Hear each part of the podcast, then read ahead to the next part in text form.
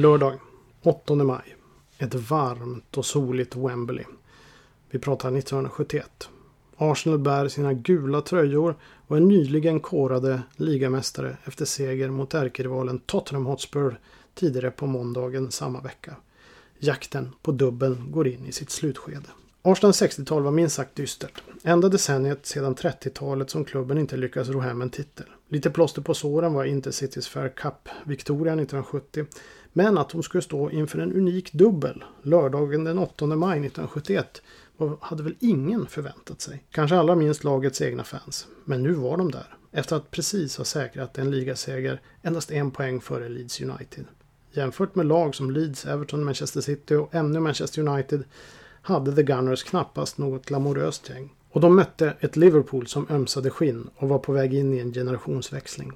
Arsenal hade tagit sig till final efter dramatik i semifinalen mot Stoke City, en match som sent ska glömmas. Spådamer hade dessutom förutsett att ett lag i rött och vitt skulle lyfta fa Cup-pokalen, vilket nog sporrade båda lagen, både Stoke och Arsenal. Stoke hade krossat Gunners med 5-0 i ligan tidigare under säsongen. Kanske styrkt av den vetskapen var det Stoke som startade bäst och tog en ledning med hela 2-0. Planens dominant var Jimmy Greenhoff.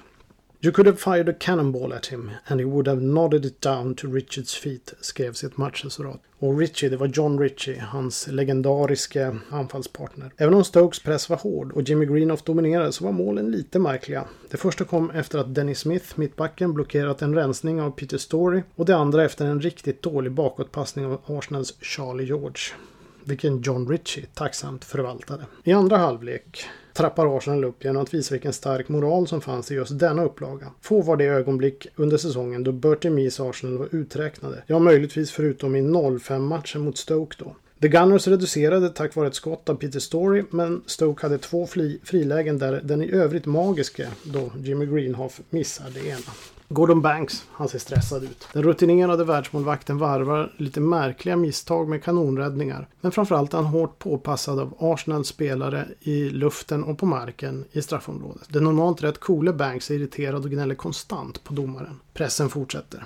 I den fjärde övertidsminuten räddar John Mahoney ett skott med handen vilket resulterar i straff. Peter Story kliver fram, ensam i matchens kanske sista spark mot världens bästa målvakt. Men eftersom Gordon Banks står på fel fot så ser det retsamt enkelt ut när bollen placeras lågt och nästan i mitten av målet. Arsenal vann omspelet med 2-0 efter mål av George Graham och Ray Kennedy. Och just den här första semifinalen sändes den 27 mars i Tipsextra och kommenterades faktiskt av Arne Hägerfors. Och eh, spelare som man kunde se i, i Arsenal var ju Bob Wilson, eh, målvakten Pat Rice, Bob McNabb, ytterbackar, Peter Story på mittfältet, Frank McClintock och Peter Simpson bildade mittlås. George Armstrong ute till höger, George Graham jobbade hårt på mittfältet, John Radford, eh, forward, Ray Kennedy forward och Charlie George bland annat. Det var ett riktigt bra lag de hade. Men nu var det final. Inga mål efter full tid och i förlängningens 92 minut såg Steve Highway Liverpool till att de tog ledningen. I den 101 minuten kvitterade dock Arsenal. Först såg det ut som det var George Grahams mål men det visade sig vara inhopparen Eddie Kelly som var sist på bollen. Det var dock i den 111 minuten som profilen, bohemen och legendaren Charlie George fick uppleva sin karriärs största ögonblick. Med ett makalöst skott avgjorde han matchen och såg till att dubben hamnade i norra London.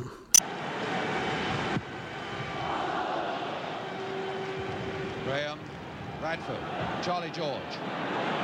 Radford. Oh, Charlie George, who can hit him? Oh, Rodrigo! Charlie George! Oh, what a fabulous goal by George! Clemens had no chance with that. Ray Clemens had a goal kick, and within about five seconds, I think the ball's in the back of the net.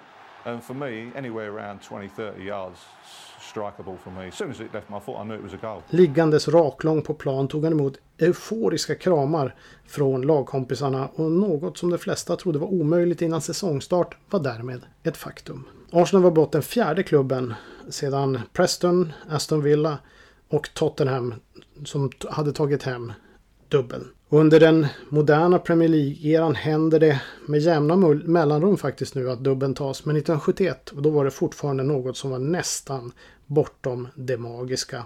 Det var någonting ouppnåeligt. Så kunde det gå. En solig dag i maj